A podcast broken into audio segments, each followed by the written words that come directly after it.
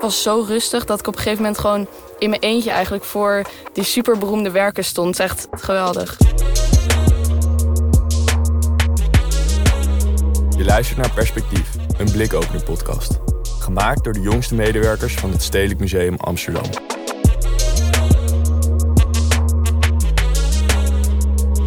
Ja, we zijn weer terug met een nieuwe podcast. Ik ben Jara, 20 en ik studeer in Amsterdam.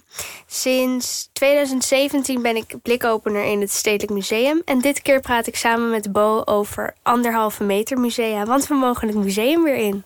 Ja, superleuk. Ik ben Bo, 19 jaar en ik ga studeren aan de UvA. En ik ben net zoals Jara sinds 2017 blikopener. Sindsdien doe ik eigenlijk ook allemaal leuke projecten voor het stedelijk. En ik heb zelf ook alweer twee museumbezoekjes gemaakt. En ik had het wel echt gemist, dus leuk om erover te praten. De musea zijn namelijk wel echt gewoon 80 dagen dicht geweest. Ja, en vandaag gaan we het dus hebben over anderhalve meter musea. Omdat onze museumbezoekjes door corona niet meer op dezelfde manier kunnen als hiervoor. Met het nieuwe protocol wil de museumvereniging eigenlijk de heropening van de musea veiliger en verantwoord maken voor de bezoekers, maar natuurlijk ook de medewerkers. En in het protocol staan dan ook vooral regels over de capaciteit, hygiëne en afstand. Oké, en kan je dan misschien die regels een beetje uitleggen? Dat is wel leuk voor onze luisteraars. Ja, nou in ieder geval in elk museum moet er gereserveerd worden. Dus moet je online of telefonisch een timeslot boeken. Je moet anderhalve meter houden in het museum, maar ook voor het museum. En uh, er moeten ook looproutes aangelegd worden waar nodig. En er is een maximumcapaciteit in elk museum. En de musea mogen dus ook echt alleen maar open als ze zich houden aan de regels van dat protocol. En om te kijken hoe dat in zijn werking gaat, zijn wij naar verschillende musea geweest. Onder andere het Rembrandthuis, Foam, Van Gogh en natuurlijk het Stedelijk. En daar hebben we gekeken naar hoe streng het protocol werd nageleefd, maar ook wat de impact is van dat protocol op je beleving als bezoeker. Ja, en Jara, jij was naar het Rembrandthuis. Hoe ervaarde jij je bezoek met de aangepaste regels?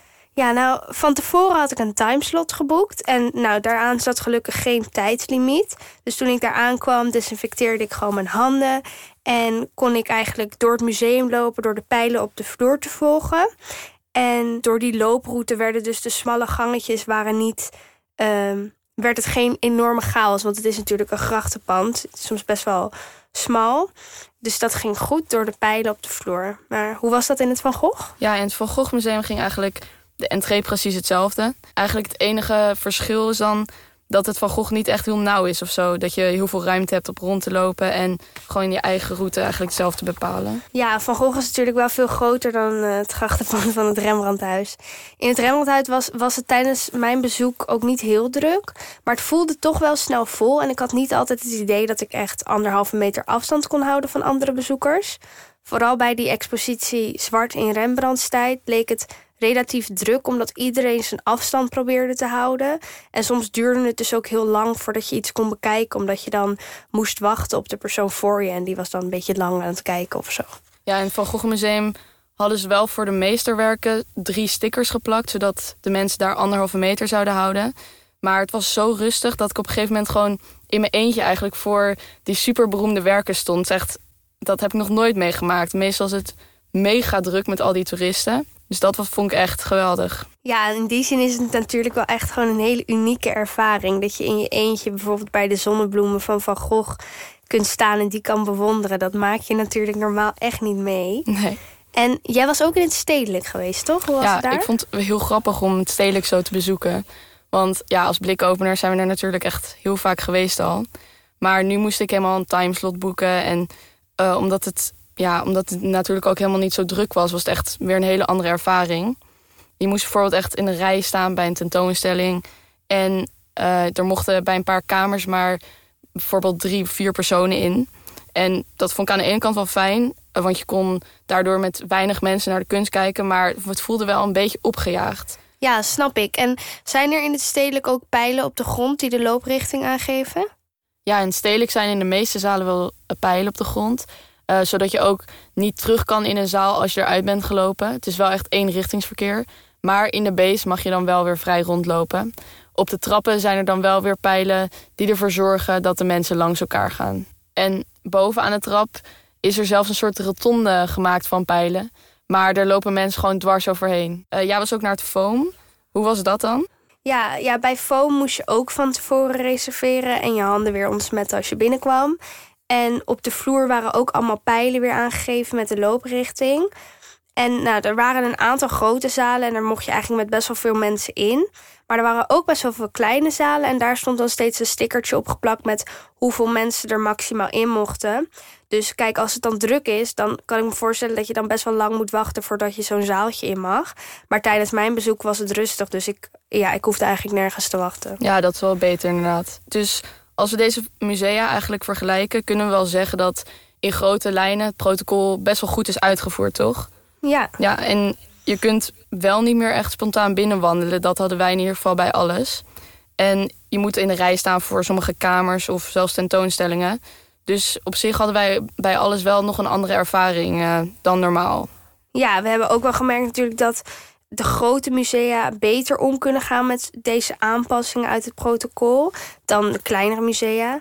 En in grote zalen heb je ook meer ruimte om rond te wandelen. En is dat, weet je, dat limiet dat zit meer bij kleine zalen. Dus daar merk je dan ook dat je langer moet wachten als je naar binnen wil. Ja, precies.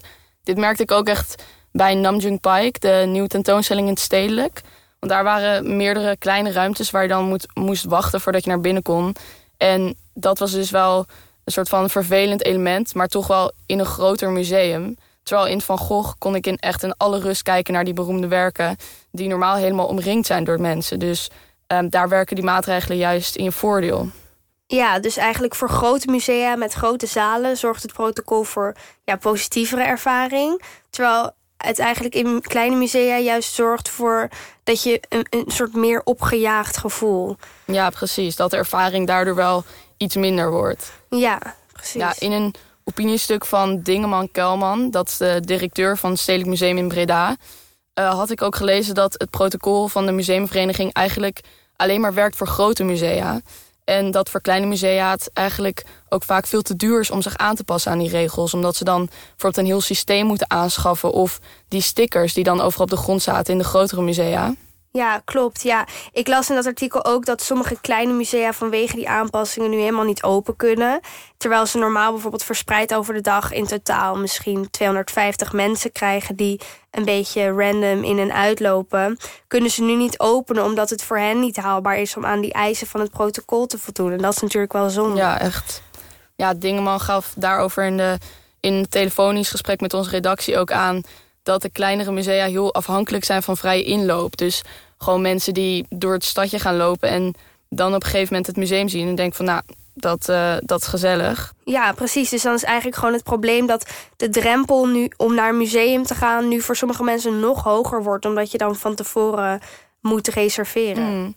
Denk je dan ook dat dit protocol eigenlijk nodig is? Of zouden we van de musea en bezoekers eigenlijk ook wel kunnen verwachten dat ze zelf voorzichtig doen en bijvoorbeeld gewoon zelf die anderhalve meter afstand kunnen houden? Ja, lastig. Ik denk aan de ene kant dat het wel nodig is om de regels een beetje aan te passen nu met corona. Want veel mensen zijn gewend om vrij rond te lopen door een tentoonstelling en een beetje kriskras van het ene naar het andere werk. En nou ja, niet per se volgens een looproute. En dat zou nu natuurlijk wel een beetje voor chaos zorgen die niet handig is. Omdat je dan minder makkelijk die afstand kan bewaren. Maar ja, aan de andere kant zouden we ook wel van bezoekers kunnen verwachten dat ze zelf een beetje verantwoordelijk zijn en afstand houden. Um, dus als ze bijvoorbeeld zien dat een zaal heel vol is, dat ze gewoon zelf even wachten of eerst naar een andere zaal gaan. En bijvoorbeeld in het uh, museum in Breda hebben ze geen stickers op de grond met pijlen om looproutes aan te geven. Want zij vertrouwen gewoon op de bezoekers. En Dingeman Kelman zei daarover ook dat mensen het heel erg waarderen dat er nu minder mensen op zaal staan. En dat het de museumervaring ook juist beter maakt. Dus ik denk dat dat juist weer een positievere kant van het protocol is. Ja, precies. Die looproutes die en maximum aantal bezoekers per zaal, die zijn dus eigenlijk wel handig. En daar krijgt hij dan ook positieve feedback op van de bezoekers. Ja. Maar ik denk dat het wel ook weer zorgt voor een hele andere museumervaring. Dus dat het in sommige museum weer meer als een soort attractie voelt, waardoor je in banen wordt geleid en soms best wel lang moet wachten. En minder als een soort als gewoon een relaxed museumbezoekje. Ja, en, en vind je dan ook dat dat gevoel dat het nu een attractie is, je tegenhoudt om het museum opnieuw te bezoeken of om überhaupt andere musea te gaan bezoeken? Mm, nou, ik zou op het moment niet snel naar een van de musea ga waar ik al naartoe ben geweest. Aangezien de ervaring ja, dan niet per se meer heel veel verschilt. Mm. Maar als er een nieuwe tentoonstelling zou zijn, dan zou ik gewoon wel even langs gaan, denk ik. Oké, nou, cool. Dan is het nu tijd voor de bliksemronde. Yeah. En in de bliksemronde stel ik een aantal vragen waar je zo snel mogelijk antwoord op moet geven. En dan daarna gaan we een beetje kijken of jouw antwoorden overeenkomen met eh, de mensen die op onze Instagram poll hebben gestemd. Ben je er klaar voor? Oké, oké, ja. Ik ben er klaar voor. Oké, daar gaan we. Liever eh, naar Van Gogh of het Anne Frankhuis? Van Gogh. Liever met een met tijdslot zonder rij of spontaan met mogelijk een rij naar het museum? Eh, sowieso spontaan. Liever alle kunst van heel dichtbij bekijken of alle kunst van 5 meter afstand? Heel dichtbij. Liever één of twee richtingsverkeer door een tentoonstelling? Twee richtingsverkeer. Liever helemaal alleen in een tentoonstelling of met heel veel andere mensen? Helemaal alleen. Oké, nou wat wel grappig is, is dat bij de vraag liever alle kunst van heel dichtbij bekijken of alle kunst van 5 meter afstand, antwoorden onze Instagram-volgers eigenlijk een beetje 50-50. Zou jij je antwoord even kunnen toelichten? Ja, ik zou de kunst liever van dichtbij bekijken, omdat eh, ik gewoon die eh, materialen heel grappig vind. Dus soms dat uh, kunstwerken heel glad zijn, maar soms dat ze ook penseelstreken heel goed te zien zijn of zo. Dus dat vind ik dan heel leuk om te zien, de, waarvan het gemaakt is. Ja, oké. En uh, bij de laatste vraag antwoordde je dat je liever alleen uh, in een tentoonstelling zou zijn. Nou, Mm. 92 van ons. 92% van onze stemmers uh, is het met je eens. Kan je dan ook uitleggen waarom je liever alleen zou gaan? Uh, nou, ik zou gewoon liever alleen gaan, omdat ik dan gewoon rustig zou gaan zitten en een beetje tekenen. En dan kan je ook meteen gewoon alles goed in je opnemen. Mm -hmm. En dat vind ik nu ook wel zo fijn aan de musea, dat het zo rustig is. Want uh, in Van Gogh, nou, dat had ik nog nooit zo rustig meegemaakt. Ja, nee, ja, het is natuurlijk voor de meeste mensen denk ik ook wel gewoon fijn om een beetje op je gemak door een tentoonstelling of door het museum heen te lopen. En welke kunst zou je dan beter ervaren, denk je, als je juist met veel mensen bent? Dus voor welke kunst is het juist een pre als er wel veel Ja. mensen zijn? Uh, nou, bijvoorbeeld, ik denk dat happenings wel heel leuk zijn om met meer mensen te bekijken. Ja, Dat is natuurlijk al wel vaker in het stedelijk, dat er een soort van performances zijn. Dat is natuurlijk heel leuk als er andere mensen zijn. Um, en voor de mensen die niet weten wat een happening is, trouwens, dat is een soort spectaculaire openbare gebeurtenis die wel van tevoren is bedacht door de kunstenaars, maar speciaal gemaakt is om mensen echt te gaan choqueren. En als voorbeeld, toen ik 13 was, toen ging ik naar het stedelijk met mijn vader. En toen zagen we een happening van Tino Segal. En ik kan je vertellen, ik was echt in shock. Want in één zaal ging plotseling een vrouw voor een heel publiek strippen. En in een andere zaal ging een man opera zingen. Nou, ik schrok mijn hoedje. En ik denk dat zoiets juist heel bijzonder is om, uh, omdat je de reacties van andere mensen ziet. En dat is juist ook dan misschien deel van het kunstwerk. ja. En Jara, welke kunst denk jij dan dat je beter alleen zou kunnen bekijken? Nou, het lijkt mij heel leuk om The Matter of Time van Richard Serra in mijn eentje te bekijken. Uh, ik heb dat kunstwerk een keer gezien toen ik uh, in het Guggenheim Museum in Bilbao was. En het is een super groot kunstwerk in een museumzaal die helemaal daarvoor uh, speciaal is leeggemaakt. En het is daar 25 jaar wordt het daar tentoongesteld. En het bestaat uit zeven sculpturen die gemaakt zijn van 50 platen van kortenstaal. Dat is een uh, metaallegering. En in totaal wegen al die platen bij elkaar meer dan een miljoen kilo. Nou, ja, dat is echt ziek. Ja, en je moet je voorstellen dat die platen zijn ook super hoog. Uh, 4,3 meter hoog. Dus je kan ook door die sculpturen heen lopen. En ze zijn dan in de vormen van um, cirkels en um, spiralen. Dus je, je, je volgt soort van de vormen van het kunstwerk. Dus dat zorgt ook nog weer voor een hele unieke ervaring. Nou ja, en de naam van het werk, The Matter of Time, komt uh, van de tijd die je dus nodig hebt om door al die sculpturen heen te lopen. Daar ben je wel even mee bezig. En nou ja, mij lijkt het dus heel cool om dit werk in mijn eentje te bekijken. Omdat je dan denk ik ook nog, omdat het dan ook nog groter en nog overweldigender wordt dan als, je, als er meer mensen om je heen zijn. Ja, ik zou dan toch nog even willen terugkomen op mijn antwoord van een bliksemronde. Want daar zei ik natuurlijk dat ik de kunst van dichtbij wilde bekijken. Maar bij dit werk van Richard Serra zou ik het eigenlijk veel liever van wat verder af willen bekijken. En ehm, het dan gewoon alleen willen zien. Want dat is natuurlijk super indrukwekkend. Ja, ik, ik was er, toen ik er was, was het best wel druk. Dus toen waren er best wel veel mensen die er doorheen liepen. En toen was het ook al wel groot en cool. Maar ik denk dat als je er in je eentje bent, dat het wel dan echt nog meer is van wow. Ja, dan wordt het echt versterkt inderdaad. Ja. Lijkt me ook heel vet. Ja, er is dus echt nog genoeg om te gaan zien.